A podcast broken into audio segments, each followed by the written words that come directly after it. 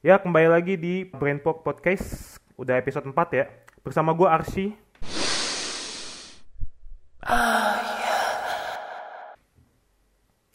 Nah, pada episode 4 ini gue nggak sendiri. Gue ditemani oleh uh, saudara gue yang merupakan kulit hitam ya. Di sini gue akan uh, membahas ke dia tentang reaksi-reaksi dia, pendapat-pendapatnya dia itu bagaimana sih menanggapi uh, kejadian-kejadian rasisme yang sedang yang sedang booming-booming sekarang ini ya. Oke, uh, namanya Tufel. Boleh dong diperkenalkan, Tufel? Oke, nama gue Tufel, gue berkulit hitam ya. Gue emang berkulit hitam. Gue seneng banget di sini. Pertama kali gue masuk di podcastnya Arsi. Dan kebetulan banget Arsi manggil gue di podcastnya ini dengan materi tentang yang lagi booming-booming sekarang, yang lagi rame-rame banget tentang rasis, hmm. Tentang warna kulit gitu, antara kulit hitam atau kulit putih kayak gitu. Nah, gue sendiri berkulit hitam karena gue keturunan orang Nigeria ya. Hmm. Gue keturunan orang timur gitu, dan gue bener-bener uh, ngerti lah rasanya tuh jadi orang yang berkulit hitam gimana rasanya hmm. jadi orang yang berkulit hitam hidup di, di Indonesia di, di negara yang mayoritas orangnya kulitnya putih tapi hmm. nggak menutup kemungkinan juga di Indonesia banyak juga orang kulit hitam nah gue selama di Indonesia gue tinggal dan gue sekolah dan gue hidup di lingkungan orang-orang yang berkulit putih oke okay. dan rasisme ini menurut gue uh, apa ya sangat mengganggu lah mengganggu hmm. mengganggu uh, begini ya Mas Tufel sebelum lanjut nih ya nggak apa sih nggak apa uh, tahu saya ya, pengen ya, mengekspresikan ya. gitu mungkin ya ya, ya, ya oke ya. tapi sebelumnya gini dulu sih mau nanya dulu gimana nih kabarnya nih mas ya so, soalnya mau motong mas ngomong takutnya nggak enak sih karena lagi make, make ekspresikan begitu. Sorry, gue gue berlebih, gue kebanyakan ngomong. gak apa-apa, santai, santai aja mas. Ya udah. Oke, siap, yuk. Ya gimana jadi kabarnya sekarang nih mas? Kabar gue baik lah, nah. alhamdulillah. Ini sekarang kan udah new normal ya? Udah keluar-keluar ke mana aja nih mas new normal? gue udah new normal gue udah lumayan sih udah keluar rumah sekali gue udah ke Depok udah jalan-jalan ke hmm. temu teman-teman gue tadinya gue cuma di karantina doang di rumah sekarang gue bisa keluar hmm. lumayan seneng nah. ada aktivitas nah pas di luar itu mas ini nggak uh, ngelihat nggak pasti melihat orang sekitar dong ya kan ngelihat uh, orang sekitar tuh bagaimana kelakuannya ngelihat kan nah ya. dari oh, dari mas li, dari yang mas lihat yang pakai masker tuh banyak nggak kalau yang pakai masker ya banyak sih tapi banyak juga yang nggak pakai masker gua hmm. sendiri termasuk orang yang pakai masker masih masih diingetin hmm. masih diingetin tapi gitu gua ya. jujur ini merubah uh, kehidupan gua yang tadinya gua nggak pernah pakai masker gua jadi pakai masker hmm, bagus deh kalau begitu ya ini cuma jadi intermezzo intermezzo aja nih ya mas ya uh, tentang yeah. covid ini ya yang lagi ya sebenarnya kita udah bosen ya ngebahas ini ya covid itu karena udah lebih dari tiga bulan. Bulan, bulan, bulan lebih tentang COVID 19 ini. Mm -mm. Ya tapi kita nggak bisa kayak berasumsi new normal tuh berarti normalnya normal kayak biasa kita nggak bisa begitu kan ya? Nggak bisa, nggak bisa bukan normal seperti biasa. Soalnya tetap ini malah naik kelas. Tetap iya. kita jadi tetap ada, tetap tetap jaga diri, tetap harus pakai masker, cuci tangan, tetap. Hmm tapi ya tahu lah mas ya orang Indonesia sekarang eh bukan sekarang sih dari dulu sih ya orang Indonesia kan udah mempunyai sifat-sifat uh, membangkang ya itu banyak kan ya apalagi ini gimana pasti ya iya apalagi virus ini nggak kelihatan oh virus ini nggak kelihatan ya iya sebetulnya bukan sebetulnya menurut gue sih ya kalau hmm. menurut gue ya sih ya hmm. ini gue ngomong karena sebenarnya bukan orang Indonesia tapi pada dasarnya manusia itu punya karakter dia itu ingin bebas pada dasarnya itu seperti itu. Iya betul, ya kan. Yang tadinya biasanya apalagi ya, nah apalagi cenderung orang Indonesia yang tadinya orangnya tuh maksudnya bebas terus dikasih aturan baru itu sulit. Nah kita hmm. sekarang harus memenuhi protokol itu. Ya betul sih. Dan di samping itu virusnya emang nggak kelihatan karena jadi bahan remehan orang-orang kayak begitu. Coba virusnya kayak zombie. ya nggak? Ya nggak? Yang kelihatan banget kan? Hmm? Kalau virusnya kayak zombie, kayaknya sih sih kalau menurut gua ya, Hmm. kalau gua sih lari, tapi kalau mungkin lo mungkin itu kesempatan buat lu buat kayak main game lu tembak-tembakin. Waduh, enggak sih, beda sih, enggak enggak kayak film sih mas. Orang kalau main kayak tembak-tembakan eh, apalah Counter Strike misalkan ya, mungkin seru. Ya. Tapi kalau mi- misalkan kita langsung ke medan perang, ya nggak mau sih. Ya. Ya kan nggak ada respawnnya. Takut juga pasti. Takut juga lah. Pokoknya yang namanya perang-perang itu pokoknya sesuatu yang nggak asik lah. Tapi kalau dimainin asik sih. Kalau dimainin asik. Iya. Nah, ini intermezzo-intermezzo aja nih ya Mas ya. Jadi sekarang kita mungkin ke topik yang topik utama ya. Nah, topik utama ini akan dibagi beberapa subtopik ya Mas ya. Eh, biar Mas tahu aja. Jadi kita bisa memilah-milah topik ini. Pertama nih. Pengen ngebahas sesuatu yang pasti semua orang pendengar-pendengar ini juga udah pada tahu lah ya. Kasusnya George Floyd ya. Jadi waktu uh, waktu itu George Floyd uh, kalau nggak salah nih ya George Floyd itu terkena uh, kasus ini uang palsu. Nah, Oke. jadi pas George Floyd ditangkap polisi itu dengan uh, tuduhan George Floyd telah uh, melakukan pemalsuan uang. Nah, di saat itu juga polisi yang di mana dia berkulit putih ya, ya kan pada saat itu dia nggak apa nge-disable si George Floyd itu ya menurut menurut menurut, menurut gua ya persepsi dari gua ya eh, itu sih bukan merupakan sebuah rasis ya ya. Kalau menurut gua nih ya mas ya. Mungkin mas nanya nih mungkin pendengar nanya kenapa sih itu bukan sebuah tindakan rasisme ya. Ini boleh nih kalian nggak setuju mas juga boleh nggak setuju ya. Menurut gua Oke. ini polisi udah menjadi polisi bertahun-tahun ya kan? Dia jadi polisi itu udah lama.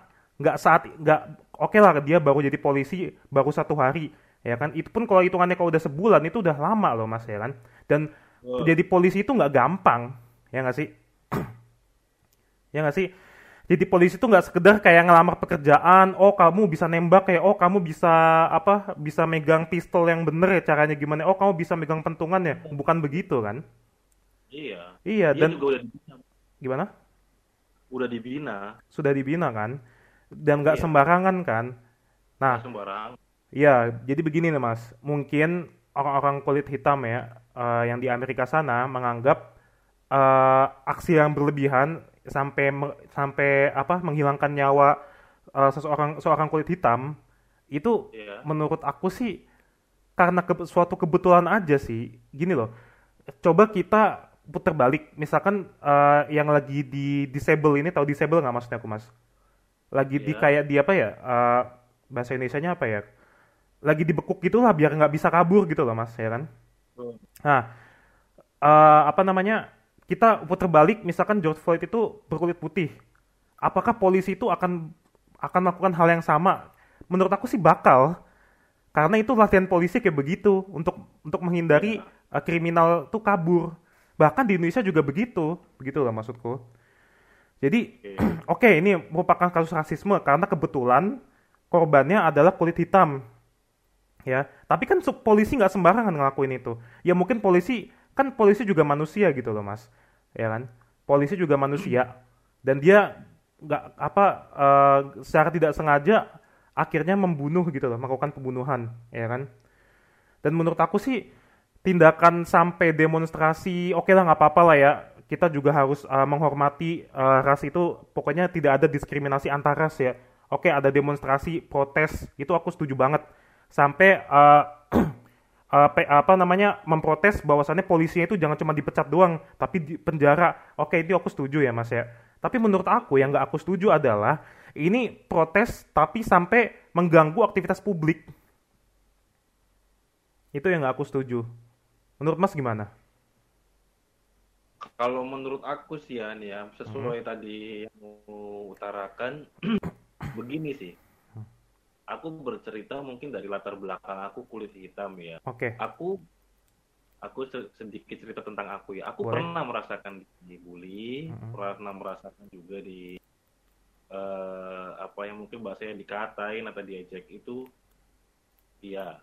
Dan itu menurut menurut orang banyak itu adalah rasis, tapi aku sendiri untuk tinggal di ya selama aku tinggal di Indonesia karena mungkin aku pribadinya bisa berbaur dan bisa bergabung dengan banyak orang aku tidak merasakan itu seperti rasis karena aku ya karena mungkin pembawaanku tuh Hmm. persen itu Gitu menurut ya. aku kalau dari aku sendiri tapi nggak tahu dari kulit hitam yang lain itu berbicara tentang soal rasis dasarnya Hmm. dari bawaan karakter seseorang dan dari karakter diri aku sendiri oke Iya, Nah, iya. kalau kamu tadi cerita tentang seorang yang dibekuk kema apa kemarin sama polisi, siapa namanya itu? George Floyd Nah, George Floyd itu eh, menurut aku sih betul itu tindakan polisi, tapi aku sebetulnya agak kurang setuju sih kalau aku, kalau pri- aku sendiri pribadi agak kurang setuju. Kenapa? Mhm. Satu, aku melihat videonya sih. Mhm. Aku melihat sendiri videonya saat itu pas dia lagi di apa kram apa ditekan gitu ya ditekan maksudnya supaya dia nggak kabur betul polisi Iya. sudah melakukan juga tugas kok. sesuai Hmm. protokol menjaga supaya eh, tersangka tidak kabur. Tapi menurut aku kesalahan si pria itu dia uang. Bahwa uang katanya nih ya. diduga, Hmm. diduga uang palsu. Mhm, diduga. Betul, diduga uang palsu. Polisi di situ itu di video itu ada tiga orang. Mhm. polisi itu ada tiga orang dan di situ keadaan ramai banyak orang. Nah si kulit hitam itu yang dibekuk itu tidak eh, Melawan. seperti, sepertinya tidak mengancam orang banyak gitu tidak Hmm. tidak membuat keonaran misalnya dia bawa tembakan terus dia mau nembakin orang-orang juga bukan seperti itu dia hanya terduga mengedarkan uang palsu atau membawa uang palsu terus dibekuk polisi. Jadi kalau aku di situ ya manusia apa namanya manusia pasti ada salah ada lupa mungkin ada apa. Cuma emang fatal banget kesalahan si polisi itu menurut aku. Iya. dia fatalnya itu adalah dia menekan ada tiga polisi seharusnya se- saat dia melakukan itu dia bisa mendengarkan polisi yang lain dan juga dia bisa juga eh, apa yang mendengar orang lain saat si tersangka tuh eh, bilang bahwa dia tuh tidak bisa bernafas kan Iya. dia sampai nyebut Betul, Bukan. betul. Iya. Nah, itu di situ aku tidak setuju soalnya karena menurut aku polisi ini berlebihan, itu sangat berlebihan. Terus kalau aku sebagai masyarakat Indonesia, aku belum pernah melihat kasus seperti itu di Indonesia menekan sampai menekan sampai seperti itu. Ka- Aku bisa melihat itu adanya di GTA, di game. Iya, di game. game itu aku di game aku melihat. Soalnya kalau di Indonesia adanya Densus 88 tidak tahu-tahu nembak teroris mati udah tidak ada wawancara, tidak ada eh, pemberitaan apa lebih dalam, pokoknya dia teroris terduga tembak mati. Itu di Indonesia yang terjadi. Sebetulnya lebih parah di Indonesia karena masyarakat tidak tahu. Nah, kalau di Amerika itu masih mending menurutku karena baru diduga di seperti itu. Kalau di Indonesia baru terduga teroris tembak mati langsung. Balik lagi ke rasis rasismenya. Menurut aku ini sebetulnya luapan warga dan masyarakat Amerika ya mungkin karena habis habis COVID-19 Hmm. dan kejadian-kejadian yang banyak menumpuk akhirnya diungkapkan gitu. Jadi kayak kemarahan publik gitu loh Hmm. kepada pemerintah. Menurut aku sih lebih ke situ. Hmm. Jadi karena apa? Dari video yang terjadi, dari Mhm. informasi yang aku lihat, sampai ada penjarahan, sampai Hmm. merusak banyak kayak gitu. Kayaknya Hmm. ini emang bener-bener emosi masyarakat, Iya. emosi emosi masyarakat, emosi warga Amerika, rakyat Hmm. Amerika sendiri gitu. Hmm. Tapi gini sih ya Mas ya. Emang Ya, eh, namanya pendidikan moral tuh penting sih ya Mas ya. Kita di Indonesia yang di mana negara kita masih berkembang dalam segi eh, apa ya pembangunan ya dalam segi eh, apa ya pembangunan apalagi ya habis itu ya banyak. ya banyak sih ya Pembangunan, eh, kan, pendidikan mental, pendidikan sekolah juga iya Mhm. kita masih parah. ya pokoknya kita masih dalam da- dalam tahap berkembang ya gitu ya Mas ya Ya, tahap berkembang. Hmm. Yang di mana kita sebenarnya Indonesia tuh udah diajarkan moral sih, ya kan moral. Yang di mana orang apa Indonesia itu pada zaman dulu itu eh, menerapkan Islam, ya itu udah diterima dengan selap, dengan lapang dada gitu loh zaman dulu, ya kan. Iya, Nah makanya pendidikan moral Islam tuh kan bagus pendidikan moralnya, itu di- bener-bener diterima. Makanya itu Indonesia menerapkan sebuah eh, limit uh, limited limited yang uh, tidak seharusnya uh, gini loh maksudnya aku gini ya. Kalau misalkan di orang luar negeri ya kan datang ke Indonesia ya kan pasti dia bingung dong ini kenapa sih orang Indonesia uh, kalau misalkan uh, ini ini agak ini ya agak agak agak eksplisit ya ini misalkan uh, Iya. aku sebagai turis perempuan ya aku kok um, apa pakai baju tank top aja kok orang-orang udah pada sidis yang ngeliatinnya gitu loh paham kan maksudnya jadi banget. jadi orang Indonesia itu bener-bener eh, ini loh, maksudnya eh, bener-bener eh, keras banget pendidikan moralnya. Jadi ada yang ada yang menyimpang dikit itu langsung tersinggung, langsung sinis gitu loh. Nah, sedangkan di Amerika Serikat namanya gay, ya kan? Eh, namanya perdagangan senjata, narkoba, itu legal semuanya. Bener-bener negara liberal gitu loh. Iya. Paham kan maksud aku? Jadi Paham. yang namanya eh, penjarahan sampai eh, apa sih yang ngancurin inilah ganggu aktivitas publik lah, mengganggu fasilitas umum juga.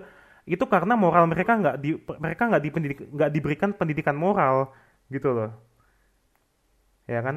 Dan biasanya yang gitu-gitu yang nggak punya agama gitu loh, Mas. Bisa jadi nggak dikasih, nggak dikasih pendidikan moral atau enggak emang dasar orangnya itu Nah, seperti di Indonesia ada orang yang seperti itu juga kan? Tapi apakah dia ada. tapi apakah dia ah, ini mengganggu banget gitu loh kayak sampai berbuat onar gitu loh. Bahkan ya ingat nggak mas yang waktu kita demo RUU KUHP ingat nggak? Ya kan? Iya. Apakah itu sampai ngancurin toko orang kan enggak? Paling-paling cuman Enggak. grafiti-grafiti tulisan kotor ya nggak sih? Nah itu dia mas. Kenapa Indonesia itu bagus banget dari maju banget dari segi pendidikan moral yang di mana negara liberal tuh bener-bener mentingin diri sendiri aja udah yang namanya mentingin orang lain tuh nggak ada gitu loh liberal gitu ya, loh liberal tuh liberal tuh gitu makanya kan misalnya liberal sosial kan ada lagi nasionalis. Iya. Nah kalau yang Islam ini ya agama Islam ya tentunya gini deh sih. Karena aku tadi kita lagi bicara kamu juga ngomong masalah soal demo juga. Mm-mm. kamu tahu nggak ada demo yang bener-bener tidak merusak fasilitas umum dan bener-bener bersih itu demo apa yang kamu Iya. tahu? Demo 212 betul gak? itu sih itu demo yang paling terkeren yang dalam sejarah yang paling bener-bener hebat dan pernah ada. Mm-mm. 212 itu kan ya? Sebelum itu juga ada. Sebelum itu juga ada waktu demo sebelum apa sesudah 212 yang ke waktu kemarin yang mahasiswa mahasiswa itu ingat nggak? Itu iya juga. itu demo ya itu demo RUU KUHP kan? Nah itu kan yang tadi. Iya. Itu meru itu itu itu tetap walaupun aman tapi itu ada kerusakan juga. Soalnya sempat aku keluar juga waktu aku jalan-jalan ke apa keluar ke Jakarta keliling Jakarta Mm, tetap di pintu tol tetap ada yang rusak tetap apa kayak gitu. Mm, tapi demo yang paling benar-benar cakep bagus ya cuma 212 dia itu benar kenapa aku bilang bagus? Satu tidak merusak fasilitas umum sangat bermolar eh Bermoral. bermola- bermoral. bermoral. Mm, ya bermoral dan saat itu melakukan apa ya ibadah ya dan setelah itu habis melakukan ibadah dia mengeluarkan aspirasi mengeluarkan suara kemauan dan masalah disetujui atau tidak itu Hmm. tidak ada masalah. Tapi Hmm. sudah mengeluarkan aspirasi saat itu Iya. ya kan? Masalah masalah akhirnya kita apa pendemo menang atau tidak itu kan dari hukum badan iya hukum betul ya. sih. Tapi sih gini ya mas ya. Hmm, gimana? Belum oke. Lanjut dulu lanjut dulu. Selesaiin dulu. Ya tapi saat oke sorry tapi saat itu akhirnya walaupun sudah melakukan intinya cuma menyampaikan aspirasi saja. Be- berbeda banget sama demo yang ada sekarang yang terjadi di Amerika. Apalagi yang mau bermunculan muncul muncul muncul yang baru-baru ini gara-gara eh, isu tentang rasisme ini. Ya sebenarnya sih gini ya mas, ini sebenarnya masalah demo udah out of topic ya dari pembahasan kita ya. Sebenarnya aku pengen aku pengen mengambil eh, kesimpulan ya, pengen mengambil eh, hubungan ya. hubungan ya Ya hubungan gini loh maksudnya. Tuh, tar dulu ya.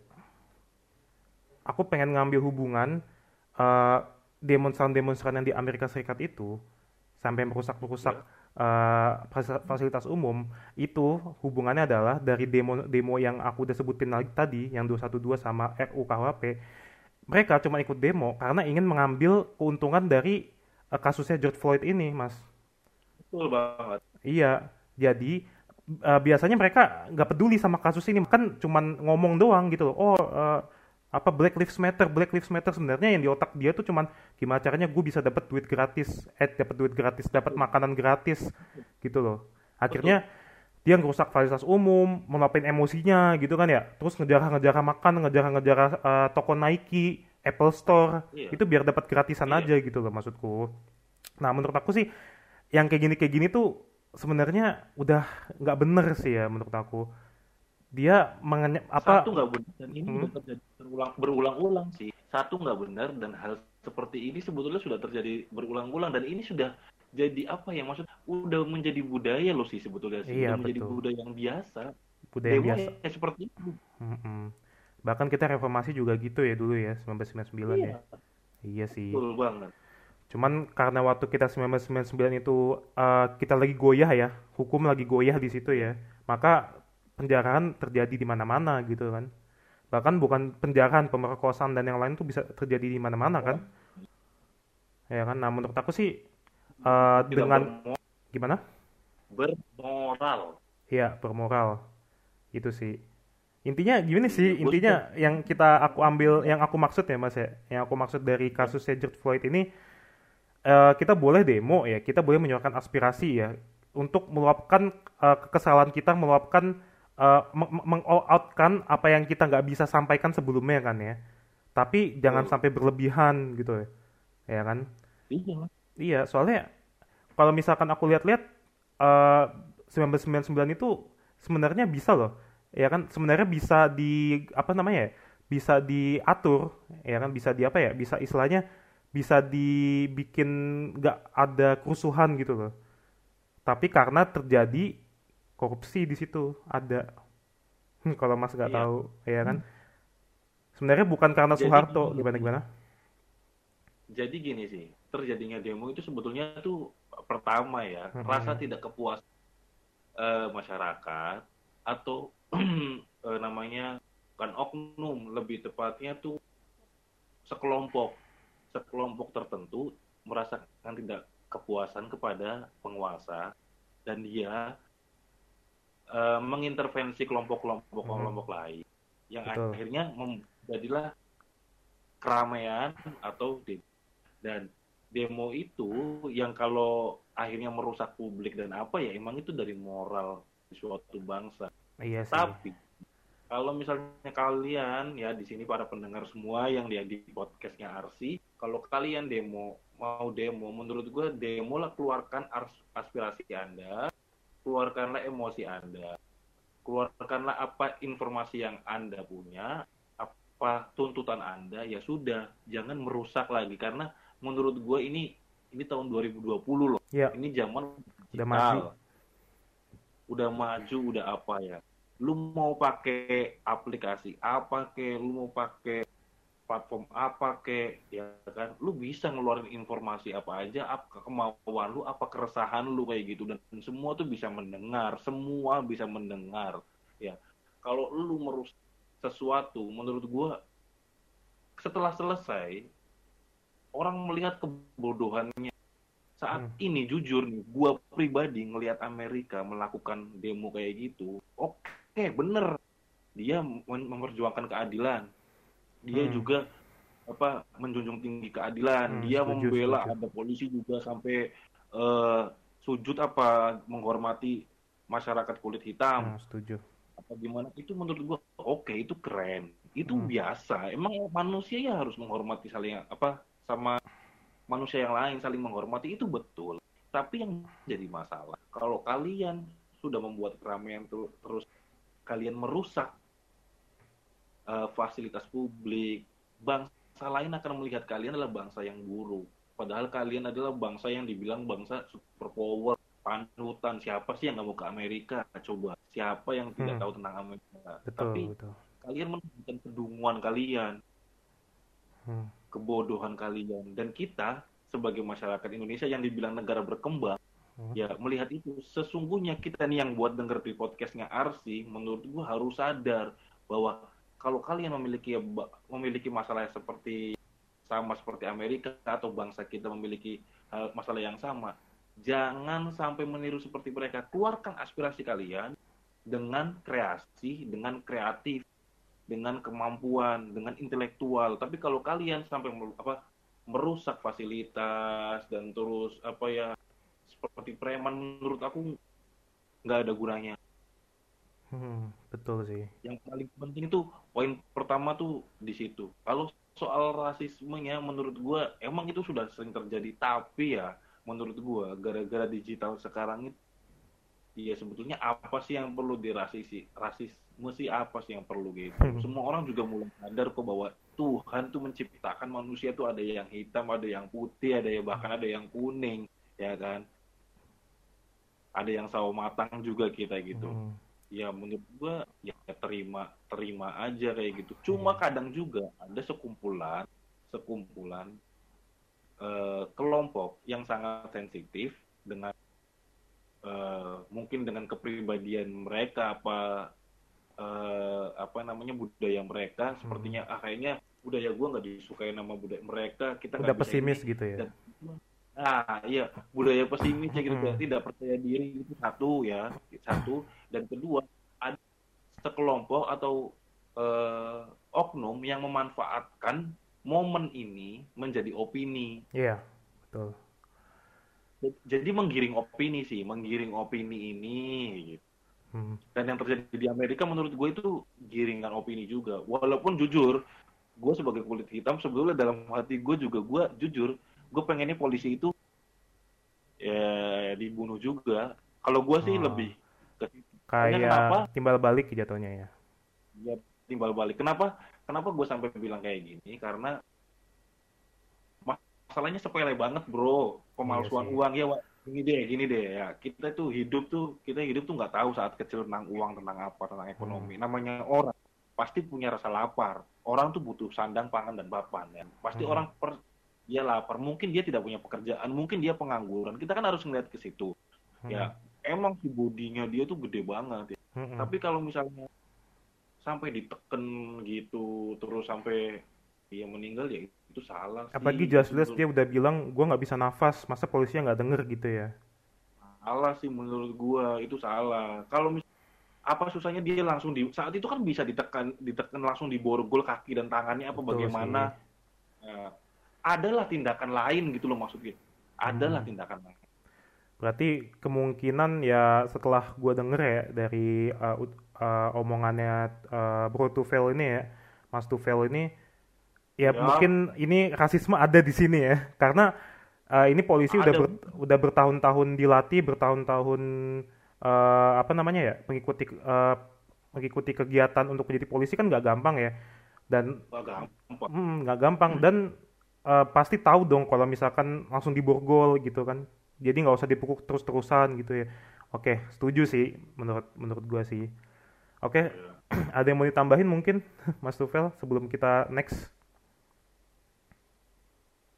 ya menurut gua soal di pembicaraan ini ya di rasis tadi gua jelasin balik lagi ya hmm. jelasin balik lagi bahwa rasisme itu memang ada, tapi sebetulnya tergantung diri kita bagaimana menyikapinya. Lu di rasis itu bukan hanya kulit hitam. Lu yeah.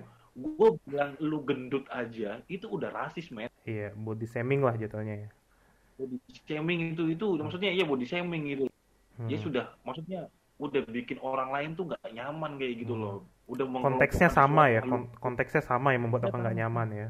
Nah iya, bikin nggak nyaman lu tuh lu gendut berarti gue golongan orang gendut gitu kalau gue orang hmm. orang seksi itu gue orang kuning itu udah sama sama iya aja sih. itu mengkotak-kotakan kayak gitu tapi menurut gue hmm? menurut gue ya buat mendengar semua di sini ya lu tampil sebaik mungkin dan lu tetap percaya diri aja bahwa Betul. sebetulnya orang tuh ya namanya mulut orang tuh ya tetap pasti ya gimana sih lu gendut masa gue nggak boleh ngomong lu gendut lu itu masa gue nggak boleh ngomong lu hitam sih? Iya ya itu sih. lu harus tetap percaya diri dengan apa yang telah diberikan Tuhan itu satu. Dan kedua bener-bener nih gue ingetin lagi ya yang ada semua. Gue semangat banget ya sorry ya. Gak apa-apa. Uh, tadinya uh, tadinya uh, aku pengen ngegali-gali gitu. Tadi gue pengen ngegali-gali tapi udah digali duluan sama Mas Tufel. Bagus deh kalau gitu deh. Oke, karena karena bener-bener gue bener-bener tuh pengen nekanin banget di sini Hmm, buat bagus. kalian semua yang ada di sini ya, bener-bener di podcastnya RC itu kalian silahkan keluarkan keresahan kalian, emosi kalian, tuntutan kalian sebagai masyarakat dan warga itu tidak apa-apa, tapi dengan akal kalian, dengan eh, moral kalian, dan dengan perilaku yang baik, etika yang baik kayak gitu. Supaya orang tuh melihat tuh, wow, Hmm. ini maksudnya, ini maksudnya, ini tujuannya, oh ini kreasinya, ini karyanya. Dengan karya bukan dengan kamu, kalian, kalian semua yang ada di sini. Ya. Merusak sesuatu, merusak moral, merusak generasi muda. Untuk apa coba? Dengan Apa? begitu uh, tindakan itu akan didukung ya Mas ya. Iya, Iya, maksudnya Iya. tin- tindakan uh, kita misalkan nggak berbuat onar, kita tetap mengikuti aturan-aturan yang ada untuk demo, ya untuk misalkan demo untuk uh, rasisme ini kan, nah orang pasti akan setuju kan, gitu loh maksudnya orang lain. iya. Disa- daripada uh, kalau berbuat kerusuhan kan otomatis yang ngeliat-ngeliat demo gitu kan yang nggak- yang yang nggak ikut demo udah punya asumsi oh ini pasti rusuh nih gitu loh. Pasti maaf Pasti. nih orang hitam pasti rusuh-rusuh nih kalau demo gitu. Nah, nah, ini lagi nih, Pak. Thank you sih. Ini bener kalau ka- apa sebetulnya ini benar-benar harus ditekanin juga ya biasanya nih ya. Hmm, Orang-orang berpikiran bahwa kulit hitam itu keras. Iya. Terus ini yang demo-demo orang hitam nih Hmm. pasti eh, merusak, pasti melanggar, pasti bikin keonaran. Iya. Nggak usah kulit hitam. Kulit putih pun pasti seperti itu Iya. sama juga. Bahkan Kalau kulit putih suka ini loh Mas, maaf ya agak motong ya. Kulit putih ya, kulit putih pas ikut demo yang kulit non hitam, dia merasa saat dia ikut demo, dia uh, ini playing victim ngerti nggak maksudnya Mas? Playing victim itu. Gimana tuh? Jadi playing victim itu dia merasa dirinya itu menjadi korban gitu loh. Dia mendukung aksi Black Lives Matter, tapi dia sendiri kayak melebih-melebihkan itu yang sehingga Ah, ya, ah, gimana? Salah. Iya, Itu melebih-melebihkan ya untuk gini loh, apa namanya? embel-embel Black Lives Matter, tapi dirinya sendiri melebih-lebihkan akhirnya ya udah berujung keonaran gitu loh. Pas dia ditangkap polisi karena dia berbuat onar, dia paling victim gitu. Kebiasaan orang Kaukasian tuh kayak begitu. Itu menurut Mas gimana? menurut gua ya berarti berarti tidak ada bedanya Indonesia dan Amerika tidak ada bedanya jadi selama ini kita ngelihat Amerika negara maju negara hebat berarti tidak ada bedanya bahwa masyarakatnya sama juga berarti mengikuti sesuatu yang baru hal-hal yang booming hal-hal yang ramai berarti mengikuti arus seperti itu sama saja berarti Hmm. Justru Ya. ras-ras yang kulit hitam di sana, mereka yang bener-bener Ah. ngeprotes gitu loh. nah kalau misalnya kulit hitam mereka berprotes ya nggak apa-apa wajar gitu loh Iya. tapi tapi gue tekenin lagi ya kalau kalian yang demo di Amerika itu dan kalian yang menyetujui adanya demo itu demolah un- niatkan karena itu perilaku kekerasan kepada orang lain Hmm, Bukan Perilaku karena- rasisme. betul Hmm. Bukan karena, Karena ingin itu- meng- ngasih eh, apa pengen pengen hal yang lain gitu loh, ngerti nggak? ya Hmm.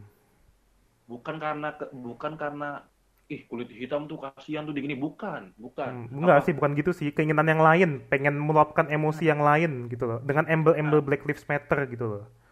nah dengan embel-embel itu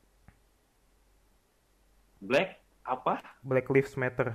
Black Lives Ah, itu. Matter. Jadi eh, apa Black it apa gimana ya artinya? Aku juga nggak tahu sih. Black Lives Matter itu ya pokoknya ras kulit hitam juga harus eh, matter lah. Matter tuh apa sih? Kok jadi lupa ya? Bentar ya. kita cari sih Iya, coba kita, sih, kita, ntar aku coba. cari dulu coba. Ini aku nggak mau berasumsi, takutnya salah nih. Iya. Jadi di- yang dimaksud dengan Black Lives Matter itu Uh, Black Lives Matter adalah sebuah gerakan yang diinias- diinisiasi pada 2013 saat menanggapi pembebasan pembunuhan uh, Trevion. Jadi uh, Black Lives Matter itu uh, artinya supremasi kulit hitam juga sih. Gitu loh. Jadi uh, kulit, uh, kulit hitam juga harus uh, memiliki kesetaraan dengan ras-ras kulit yang lain, gitu maksudnya. Ya gue nggak tahu kalau misalnya menurut gue sih dulu kalau ya kita bicara sejarah coba ya kalau bicara sejarah misalnya kulit hitam dulu tuh sebagai Ya, budak misalnya, atau sebagai apa ya mungkin itu dulu tapi tapi halo guys semua pendengar Hmm. Semua orang tuh punya kebebasan yang sama dan kulit hitam toh udah menunjukkan apa ya? Sekarang udah menunjukkan kreasi yang banyak gitu loh. Penyanyi penyanyi kulit hitam musik musik dari kulit hitam artis artis dari kulit hitam. Itu udah banyak atlet dari kulit hitam dan orang tuh mengakui. Dan bahkan orang yang menikah dari kulit hitam dan putih pun sudah banyak. Itu sudah hal biasa dan orang-orang mulai sadar dengan itu betul. jadi menurut gua, ini orang yang bener-bener sumpah ini ini politis banget bro Iya sih. bro sih ini bener-bener politis banget dan ini jujur di balik ini semua ada sesuatu yang memanfaatkan keadaan Itu pasti. ini Iya, maksud aku dari tadi gitu memanfaatkan keadaan. Hmm. gue yakin banget tapi kita nggak bisa tahu kita bisa lihat nanti ke depannya nanti gimana tapi gue gue berharap sih masalah ini kayak am- apa di Amerika dan demo ini ya segera selesai lah masalahnya titik temunya di mana gue berharap sih itu dan gue berharap juga nggak ada terjadi kekerasan lagi Amerika atau di belahan bumi ini Hmm. bisa meningkatkan perilaku baik dan moral lah intinya. Iya, harus begitu. Setuju sih. Tapi sih begini ya Mas ya, ada yang aku mau sampaikan lagi nih. Jadi begini, kenapa orang-orang baru, oke rasisme itu bukan terjadi sekarang-sekarang ini doang kan? Ya kan? Ada Bukan. ada eh, sebuah eh, kasus rasisme yang kita tuh nggak tahu sebelumnya, ya kan? Banyak. Nah, kenapa orang-orang tuh baru sadar sekarang? Ya kan? Kenapa Black Lives Matter itu baru eh, baru diperkeraskan tuh sekarang gitu loh? Kenapa nggak dari dulu-dulu? Dari zamannya siapa? Martin Luther King, ya kan? Yang dia ab- apa speech di depan eh, untuk penyetaraan kulit hitam juga di situ. Kenapa baru sekarang ada kasus begini, malah sekarang pada demo? Kenapa nggak dari dulu-dulu? Menurut Mas gimana? Menurut gua, menurut gua sih ya, ini mungkin ada sangkut paut yang kayak tadi. Hmm. Sebetulnya panjang ini. Awalnya satu COVID-19 Ya, COVID-19, oke. ekonomi menurun. Eh, bisa Di diulang lagi Mas? Halo, bisa diulang lagi putus-putus tadi. Eh, eh, pertama datangnya informasi atau isu tentang kesehatannya itu atau suatu penyakit atau suatu virus COVID-19. COVID-19 Hmm. COVID-19. Mulai di situ masyarakat resah, datang lagi masalah baru yaitu ekonomi. Banyak PHK, banyak pengangguran, orang masyarakat takut ini, takut itu. Setelah eh, mulai informasi tertutup dengan berita-berita banyak ada politik, ada eh, ekonomi juga yang mulai menurun, ditambah lagi ada berita tentang kejahatan itu. Jadi menurut gua kenapa mereka tuh baru muncul sekarang? Karena emang ini kesempatan mereka untuk berbicara. Kenapa? Karena di saat seperti itu emosi mereka, ras, apa? Gimana sih si Eh, orang yang habis dikarantina Iya lagi Orang lagi dikata-katain lagi dibully pasti kesel dong otomatis kan. Iya, jadi enggak. Mereka masyarakat itu habis dikarantina lah, habis stres, Oh, uh, hmm. ya kan? Tiba-tiba dapat masalah gitu ya. ini. Coba gini, enggak. Lu aja lihat video waktu demo sebanyak itu, mereka tidak ada yang men- mengikuti protokol COVID-19. Ada Iya bener bener. masker. Itu yang penting sih ya bener-bener. Di saat seperti ini orang-orang lagi mikir ini penyakitnya masih ada Iya, enggak? iya, Ini iya, bagaimana? Udah belum korbannya menurun apa enggak? Bagaimana? Mereka tetap demo-demo aja. Iya iya dan demo ini dan dan dan eh, gini sih coba kita kita telah sebentar ya. Oke. Dari bulan Desember COVID-19 sampai terus tiap hari ekonomi menurun dan terus gara-gara berita tentang rasis ini bisa menutupi COVID loh. Gue lihat di YouTube di Iya. mana di mana Bener banget itu. udah nggak trending lagi COVID-19. Padahal masih padahal tambah-tambah parah ya seharusnya ya. Iya. sih. Bagi Aduh. orang kesehatan ini tetap waspada, tapi enggak kalau bagi orang-orang karena Iya. karena yang mereka gimana ya orang-orang ya sudah bosan gitu dan Hmm. jujur gue nggak tahu ini mungkin ada orang yang lebih berkuasa atau bagaimana yang bisa membawa dan menggiring opini-opini opini terus isu-isu isu menaikkan isu baru kita tunggu aja sih nanti setelah ini ada isu apa lagi Iya. Halo? Kok putus? ya Iya nih, putus, Putus tadi juga? Mas. Iya putus Putus tadi. juga? Ah, putus. Agak ini sih, eh, putus sih. Makanya nggak kedengeran tadi. oke mau diulangin Eh, dari poin yang apa tadi ya? Isu-isu menggiring isu-isu itu ya kali ya, dari situ mungkin ya. Nah, iya itu. Maksudnya menurut gue sih kayak ada kekuasaan apa orang politik apa bagaimana yang berkuasa mungkin ya kita bisa bilang ya mungkin Donald Trump atau Mhm. misalnya presiden atau penguasa intinya yang selalu membuat eh eh, menggiring opini, mengintervensi informasi supaya terus ada informasi baru informasi baru. Yang gue tahu informasi tentang rasisme yang ada di Amerika ini benar-benar menutup informasi tentang COVID-19. Hmm. Iya sih. Atau jangan-jangan ini udah dipersiapkan oleh elit-elit global ya?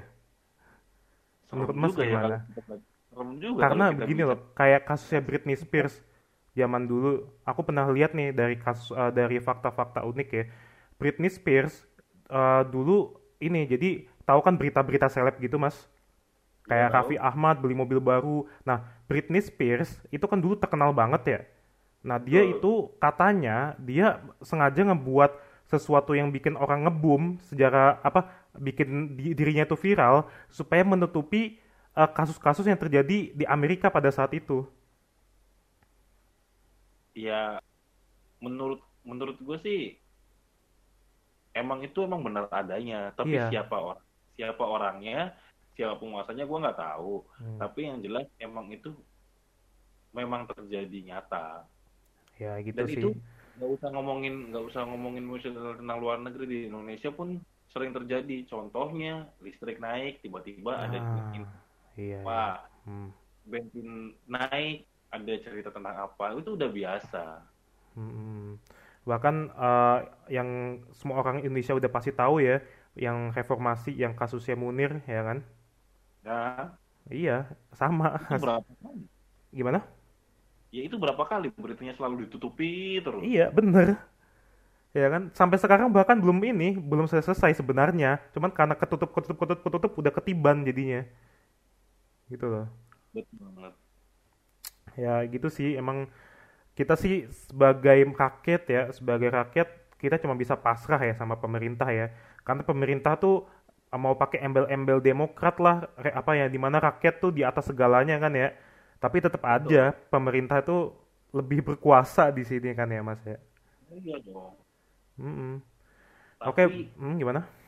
tapi sebentar rakyat memang sesuatu yang paling diutamakan tapi rakyat juga harus mengerti nih gua gua bukan gue membela pemerintah juga ya tapi gue punya eh, opini lain sebagai rakyat juga kita harus menunjukkan bahwa bahwa kita adalah rakyat yang cerdas dan dewasa.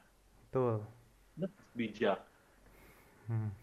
kalian demo silahkan keluarkan emosi kalian keluarkan keinginan kalian keluarkan tuntutan kalian. Setelah itu sudah. Hmm. Ya, lakukan dengan karya lakukan dengan kreasi. Oke. Ya intinya, lakukan dengan yang baik dan perilaku yang baik ya intinya perilaku Eh, yang baik ya. iya kesalahan-kesalahan yang dulu oke lah tapi yang sekarang menurut gua kita jadi apa jadilah orang yang lebih bijak dalam menghadapi masalah menghadapi pemerintah soalnya pemerintah itu hanya beberapa orang dia juga Hmm. orang juga nggak mungkin dia bisa menyelesaikan masalah begitu banyak selesaikanlah masalahmu dengan bijak dan moral yang baik. Hmm. Iya betul sih. Oke ini mungkin udah out of topic ya mas ya. Kita tadi bahas diskriminasi ras ya. Jadi uh, menurut pandangan mas sendiri nih gimana waktu kita kembali lagi ya ke ke sejarahnya uh, ke apa sejarahnya mas Tufel ini ya. Waktu Iya. zaman dulu kena rasisme, menurut pandangan mas itu gimana sih? Uh, kenapa gue diginiin sih gitu? Kalau jujur ya, nih, nih gue boleh, gue gue cerita bener-bener apa adanya Oke. diri gue ya. Iya oke oke. Rasisme itu emang bener-bener ada. Ngatain misalnya gue berkulit hitam, lu hitam lu, rambut lu Pernah ya digituin, gitu. di di frontalin gitu pernah? Pernah. Oh. Pernah. Tapi kalau gue jujur, kalau pribadi gue sendiri, gue bukan orang yang marah ketika digituin. Gue bukan Hmm. orang yang marah. Tapi itu Karena bener-bener ini loh mas, bener-bener frontal banget loh itu. Itu emang frontal banget. Itu emang benar-benar frontal banget. Kenapa gue mau Hmm. bilang di sini? Karena adik gue, gue, gue juga punya adik, gue juga Hmm. punya kakak. Kakak gue itu hmm, eh, terguncang mentalnya dengan itu. Oh alah. Dia pernah merasakan, wah kamu hitam, eh, bau misalnya, atau enggak Oh. kamu keriting, aneh gitu. Ih serem ih gitu. Ya pasti dong adik gue pernah dia dia kan kampus di U- di UIN namanya Jakarta. Dia Hmm. lagi ospek gitu kampus. Terus dia dibilang ih hitam sana jangan deket dek- jangan deket-deket kayak gitu. Dia nangis dong otomatis ke gua gitu gue bilang. Aduh, iya sih. Itu sama ini sama seniornya ya digituin. sama seniornya sama teman-teman juga banyak di situ. Itu tapi adik gua walaupun dia begitu dikatain dibully dibilang hitam dia tetap menunjukkan eksistensinya di kampus itu dia jadi Iya. orang yang bagus gitu dan akhirnya dia bergabung juga tapi ya gue juga mau bilang lagi bahwa saat itu Indonesia saat itu Indonesia itu khususnya ya khususnya kalau kalau Jakarta sih kalau gue kalau bilang Jakarta sih Jakarta udah agak mending lah Hmm. yang parah itu di daerah daerah sih di Yang daerah jarang lihat-lihat ya, maksudnya jarang lihat eh, rasnya selain lain apa ras lain dirinya ya, ras yang selain dirinya gitu loh. Ngerti nggak maksudnya tuh mas? Benar ya Hmm. ras lain seperti dirinya karena mungkin gini mungkin yang mereka tahu orang misalnya kayak kita kan tinggal di Pulau Jawa ya di Hmm. Jakarta di Pulau Jawa khususnya kayak gitu di daerah-daerah itu yang lebih melihat misalnya kayak ada orang negro apa misalnya kayak orang Papua atau misalnya kayak orang Cina matanya sipit apa bagaimana mereka itu cenderung lebih pengen membuli karena beda gitu beda kalau di Jakarta di Jakarta mungkin udah seperti biasa gitu tapi kalau untuk di daerah itu bener-bener itu jangankan yang berkulit gitu lah yang gendut aja lah yang gendut itu Iya. jadi bener-bener Aku bahan sih, banget aku gitu. sih ngerasain mas waktu aku di Brebes itu ya. Eh, Ya. Aku lagi di eh, apa eh, toko pulsanya Mas Samsul. ya Tahu kan toko pulsa Mas Samsul? Itu ada bocah, itu bener aku lagi ngobrol-ngobrol sama Mas Samsul ya. Ada bocah gitu loh. Eh, lewat langsung ngatain aku gitu loh.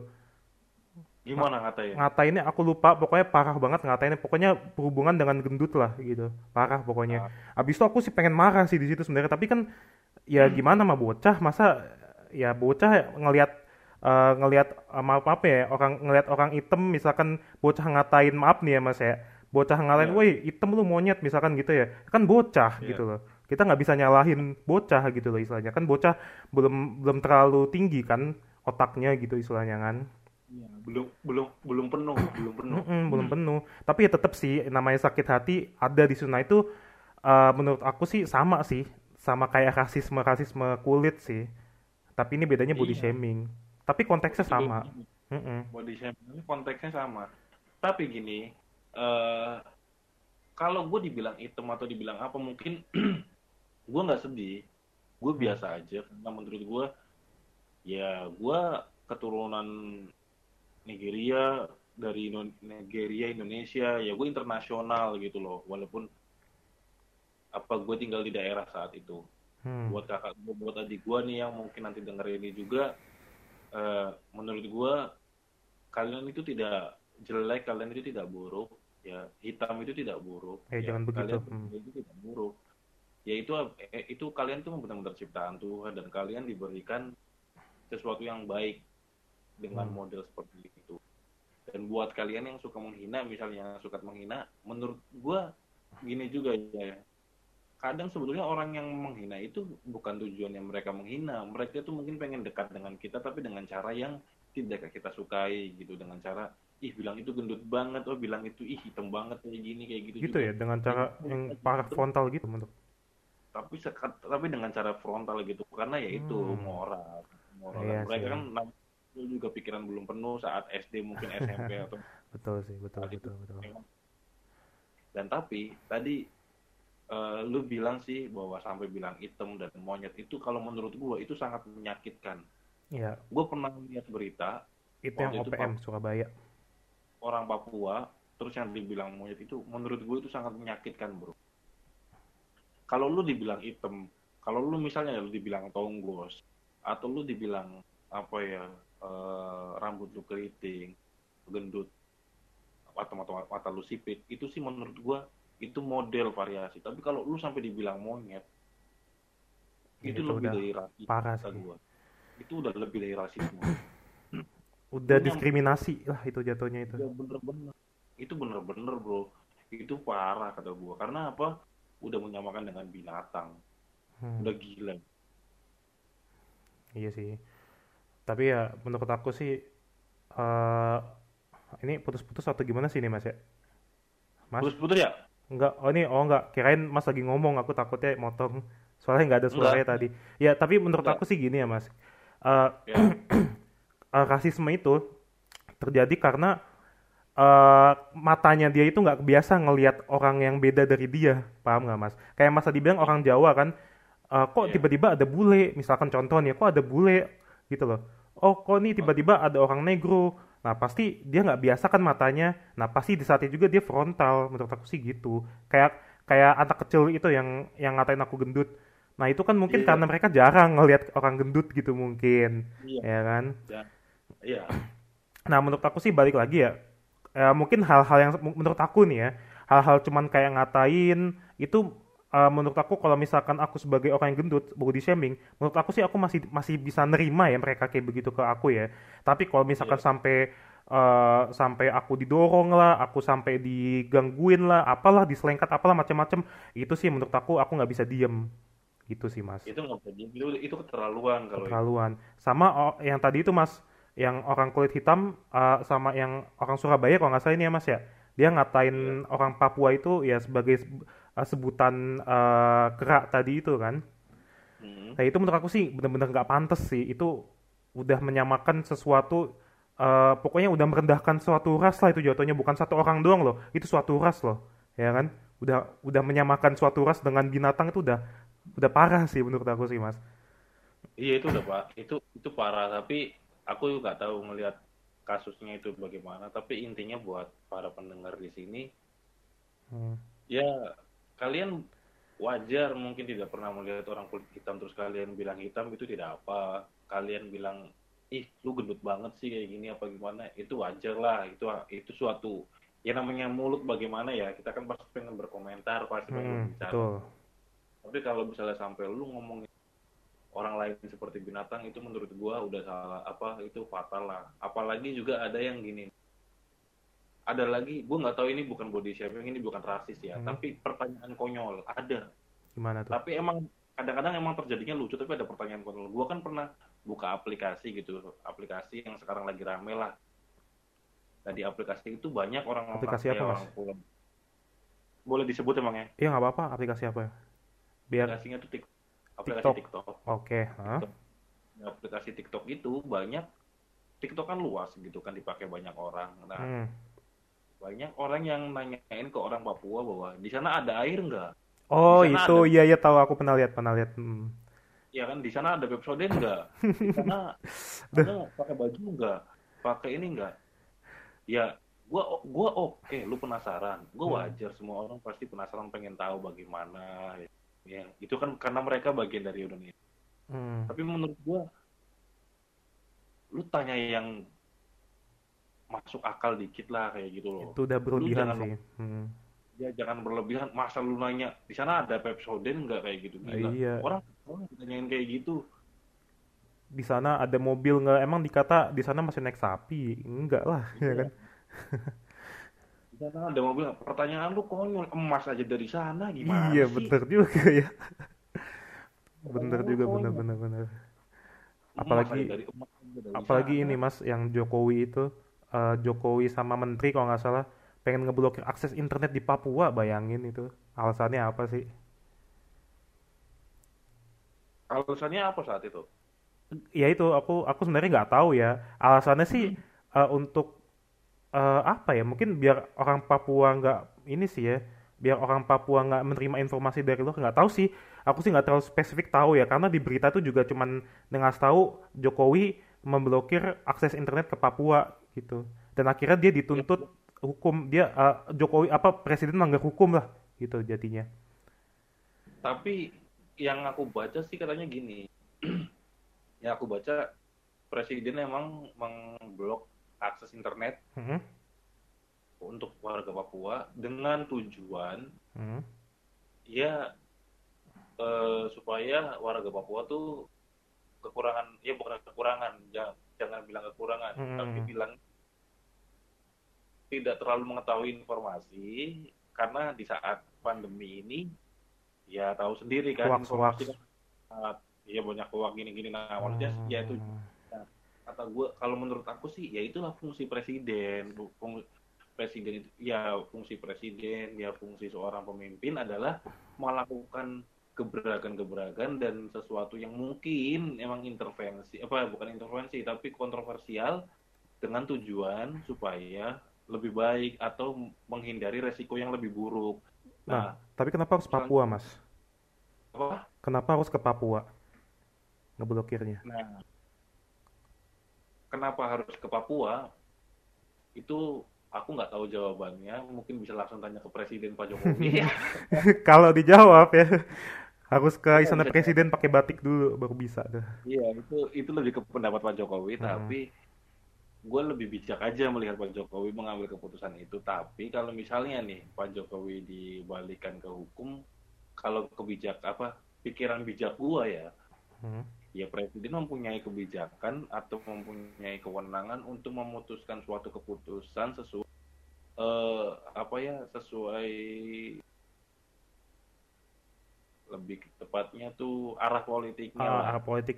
Tapi orang-orang nganggepnya jadi kenapa sih harus Papua? Oh karena Papua eh, ini ya apa rasnya berkulit hitam atau karena orang Papua tuh eh, nggak jago menerima informasi modern-modern yang ada di kota-kota biasanya ya. Mungkin orang-orang tuh persepsinya kayak begitu jadinya. Nah, mungkin kalau ini tebakan gua apa bukan tebakan tapi ini hasil pikiran gue ya Hmm. mungkin ya. Kalau misalnya karena untuk karena kenapa harus Papua karena Papua, Papua kulitnya hitam-hitam enggak bukan begitu Nah, menurut gua nah, misalnya Papua tuh eh, bodoh-bodoh orangnya menurut gua juga bukan enggak. Tapi kalau menurut gua karena emang Papua yang masih bisa di apa masih bisa ditaklukkan lah. Bahasanya tuh maksudnya masih bisa Ah. dipegang. Coba deh bayangin. Coba nih ya bayangin ya. Hmm. informasi Papua itu di blok sementara. Mungkin menurut gua orang Papua mau rame kayak apa coba? Mau serame apa coba mereka? Tapi coba Jakarta Iya. satu jam internet dimatiin. Hmm. Langsung ini kali ganas-ganas rakyatnya langsung. kayak apa coba di Jakarta karena apa bukan bukan maksudnya karena Jak- Jakarta orangnya pinter-pinter karena lebih ke kebutuhannya gitu loh Hmm. Nah, kebutuhan Jakarta itu dengan informasi itu benar-benar sangat-sangat cepat. Sedangkan kalau Papua itu bukan karena ini ya sekali lagi gue garis bawahi bukan karena mereka hitam atau kulit hitam atau misalnya mereka bodoh bukan. Hmm. Kebutuhan mereka tentang internet itu tidak seperti Jakarta. So, Tidak kenapa seperti gua pusat kota. kayak Hmm. karena Papua itu bukan apa namanya imam industri, bukan eh, namanya perdagangan juga bu, ya kan? Mereka lebih ke perkebunan, mereka lebih ke ada report mungkin tentang pengolahan, mungkin itu aja. Tapi mereka bukan industri, mereka bukan fashion, ya kan? Hmm. bukan bukan perkantoran juga. Jadi menurut gua ya ini pikiran bijak gua ya wajar kalau misalnya ngambilnya ke Papua. Kalau misalnya terjadi juga mungkin di Kalimantan, juga jawaban gua juga sama. tapi kalau misalnya sampai di Jakarta baru jawaban gue mungkin beda Hmm. Jadi mungkin eh, untuk pendengar-pendengar ya yang ngira kalau eh, berpikir kalau ini merupakan rasisme ya, nggak nggak sama sekali ya. Presiden karena. Mm, karena presiden nggak mungkin ngambil selangkah sebodoh itu, pasti dipikirkan Ya, jauh-jauh lagi gitu ya. iya Nah, untuk eh, itu kita kita next kita next topik aja nih ya Mas ya.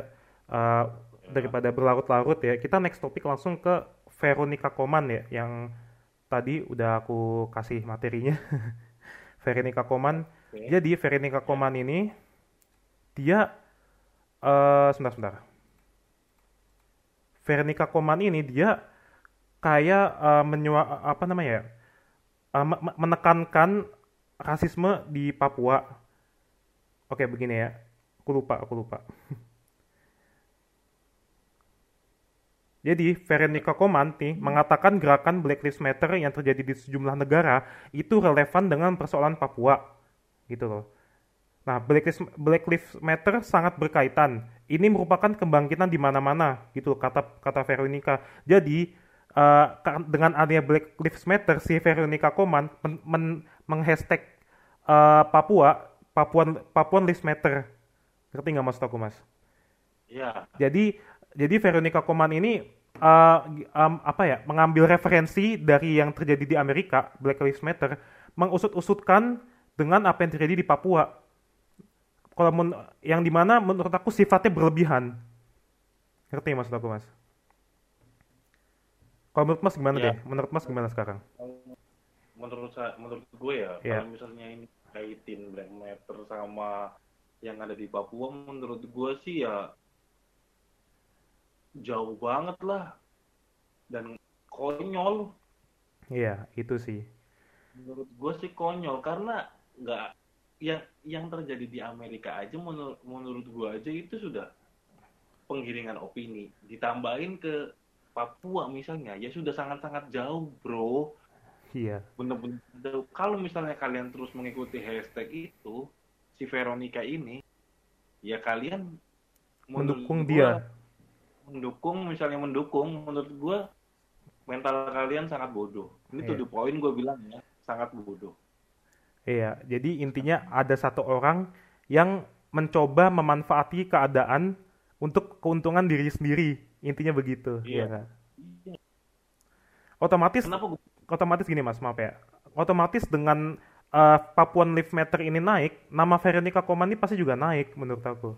Iya, iya Hmm. pastilah, pastilah. Iya. Apalagi di zaman sekarang kan apa aja kayak gitu. Tapi kalau misalnya dia bilang "Wah, ini sama dengan Amerika itu tidak, menurut gua sih enggak. Karena apa yang terjadi di Amerika itu tidak seperti yang ada di hashtag juga dan terus bikin hashtag juga untuk Papua itu juga salah dan problematika Papua itu sebetulnya apa sih? Pemerintahan kita kan sudah bilang di Indonesia bahwa target kita lepas dari COVID dulu ya Mm-mm. dari periode lima tahunan yang tadinya sekarang udah mau satu eh dua periode ya targetnya kan ya pasti mensejahterakan rakyat ya gitu. Mencoba membangun infrastruktur. Tujuannya seperti itu.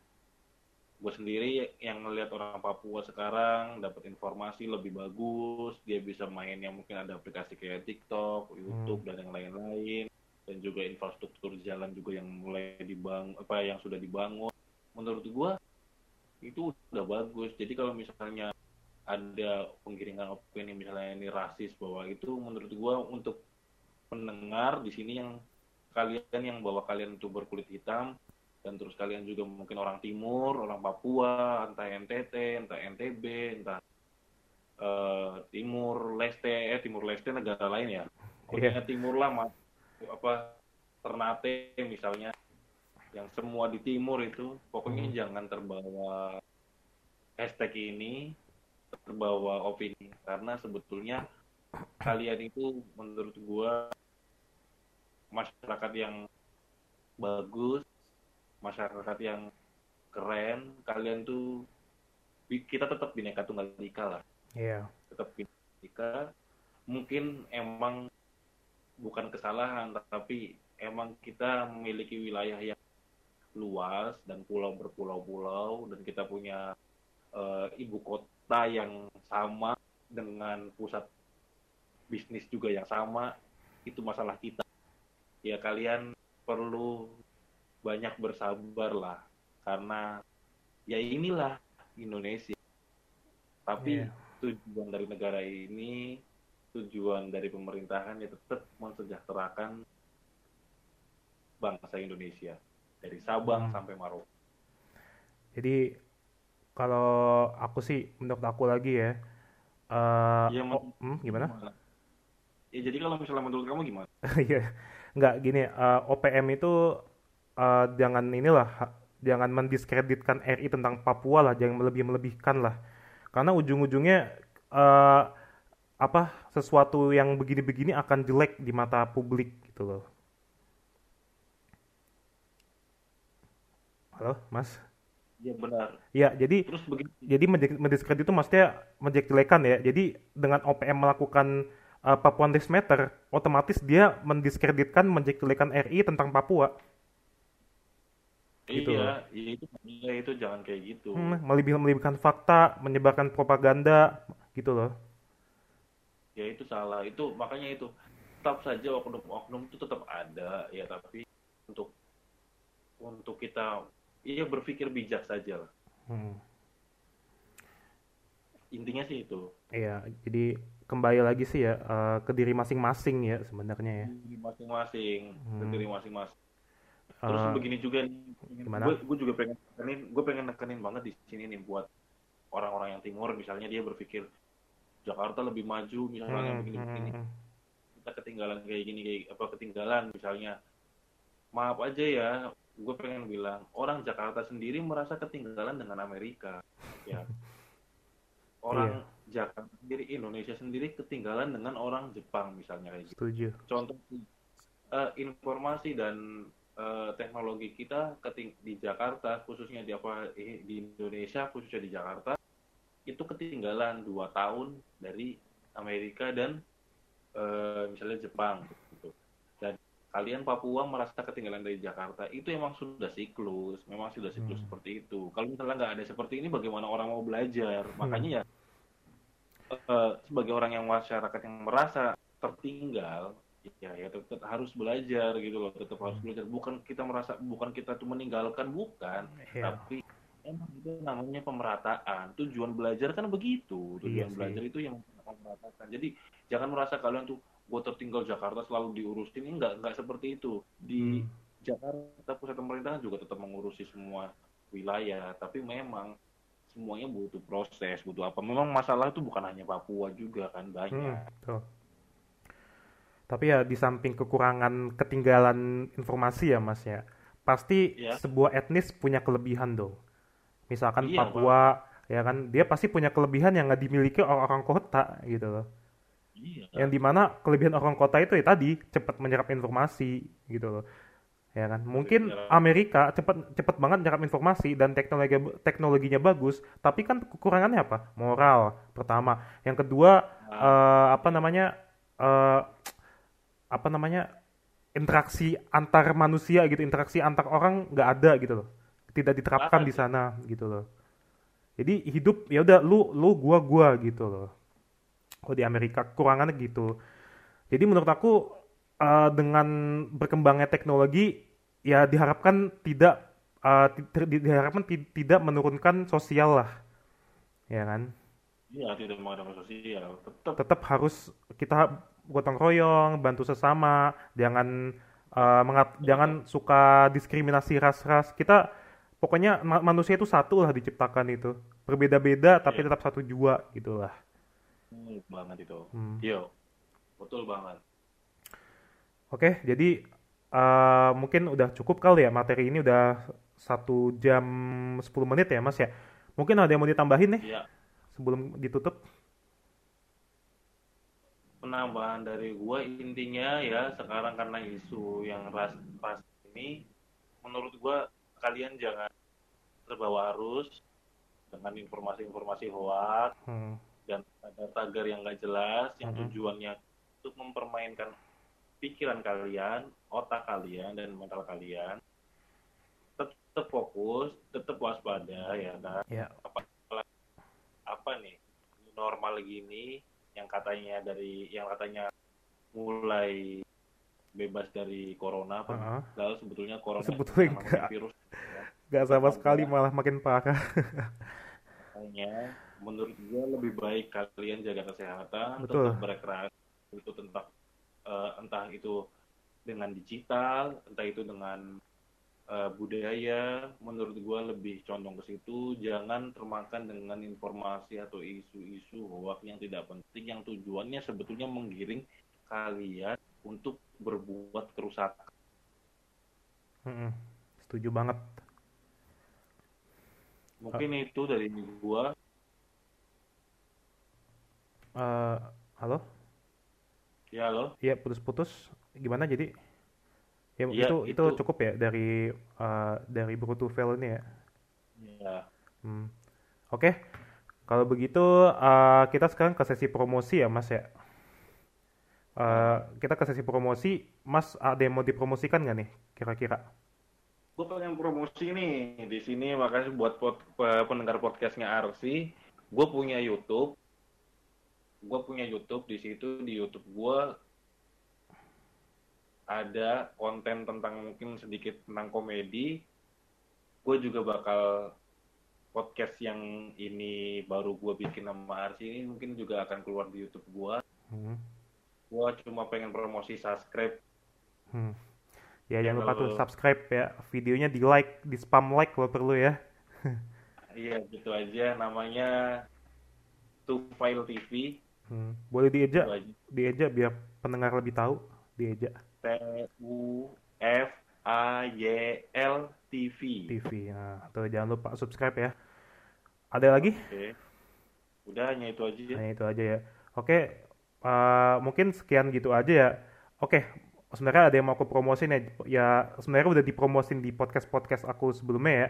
Tapi aku mau mem- mempertegas lagi ya. Jangan lupa eh, subscribe channel YouTube gua ARS71. Di sana gua eh, ngeproduce ngeproduce ngeproduce musik yang sekarang gue sebenarnya lagi fokus ke genre-genre fantasi psytrance gitu loh. Jadi bagi kalian yang suka-suka denger uh, musik-musik uh, elektronik yang ada beat-beatnya, bolehlah kalian mampir di channel gua, kalian nonton. Dan jangan lupa uh, follow Instagram gua @rcsul. Uh, Mas Tufel nggak ada nggak ada Instagram ya, Mas Tufel? Ada ya, Ada. Instagram? Dipromosin juga dong. Oke. Hmm. Instagram gua apa Instagram gue ya? Gua Waduh, lupa. lupa nama Instagram Two File AD ya. Two File AD. Tufel AD. Eh, coba nih, aku cari coba ya. Iya, underscore apa? At Two File AD kayaknya. Oh iya benar. Add to file underscore ad. Ya tuh jangan lupa tuh. Iya. kalian mungkin uh, nggak percaya nih uh, nggak percaya nih kalau gue lagi ngomong sama orang yang beras kulit hitam nih. Mungkin kalian mau mengenal lebih lanjut kehidupannya bagaimana kalian bolehlah DM DM sama orangnya ya. Tanya aja tentang masalah apa pun kalau misalnya pengen ngobrol sama gua di Instagram gua add to file underscore ad. Terus di akun YouTube gua to To File file TV.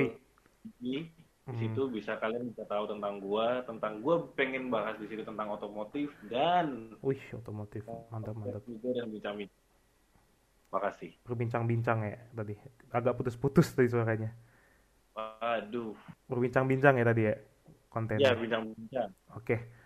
Oke, mungkin gitu aja. Oke, tadi belum selesai ya. Ya, pokoknya follow uh, Instagram gue RCSOL. Ya apa ya mau ditanya ya pokoknya ada yang mau ditanyakan lah terserah kalian lah kalian boleh DM DM gue atau yang mau sekedar kenalan sekedar chatting Iya. bolehlah uh, kalian mampir-mampir juga tuh uh, Instagramnya Mas Tufel gimana Iya boleh dong. Oh iya. Ya udah sekian biar nggak lama-lama nih durasinya udah cukup panjang ya. Sekian uh, Iya. uh, Brainpok Podcast episode 4 ini semoga pendengar terhibur ya jangan serius-serius lah boleh lah kalian serius tapi santai aja lah sebenarnya ini kita ngobrol-ngobrol Sem- semoga juga mengedukasi kalian-kalian uh, untuk uh, bersama-sama kita memerangi rasisme menghormati satu sama lain saling gotong royong Betul. ya Betul. Oke, gua gitu, gitu aja pesan gua. Eh, gua Arsy undur diri. Wassalamualaikum warahmatullahi wabarakatuh.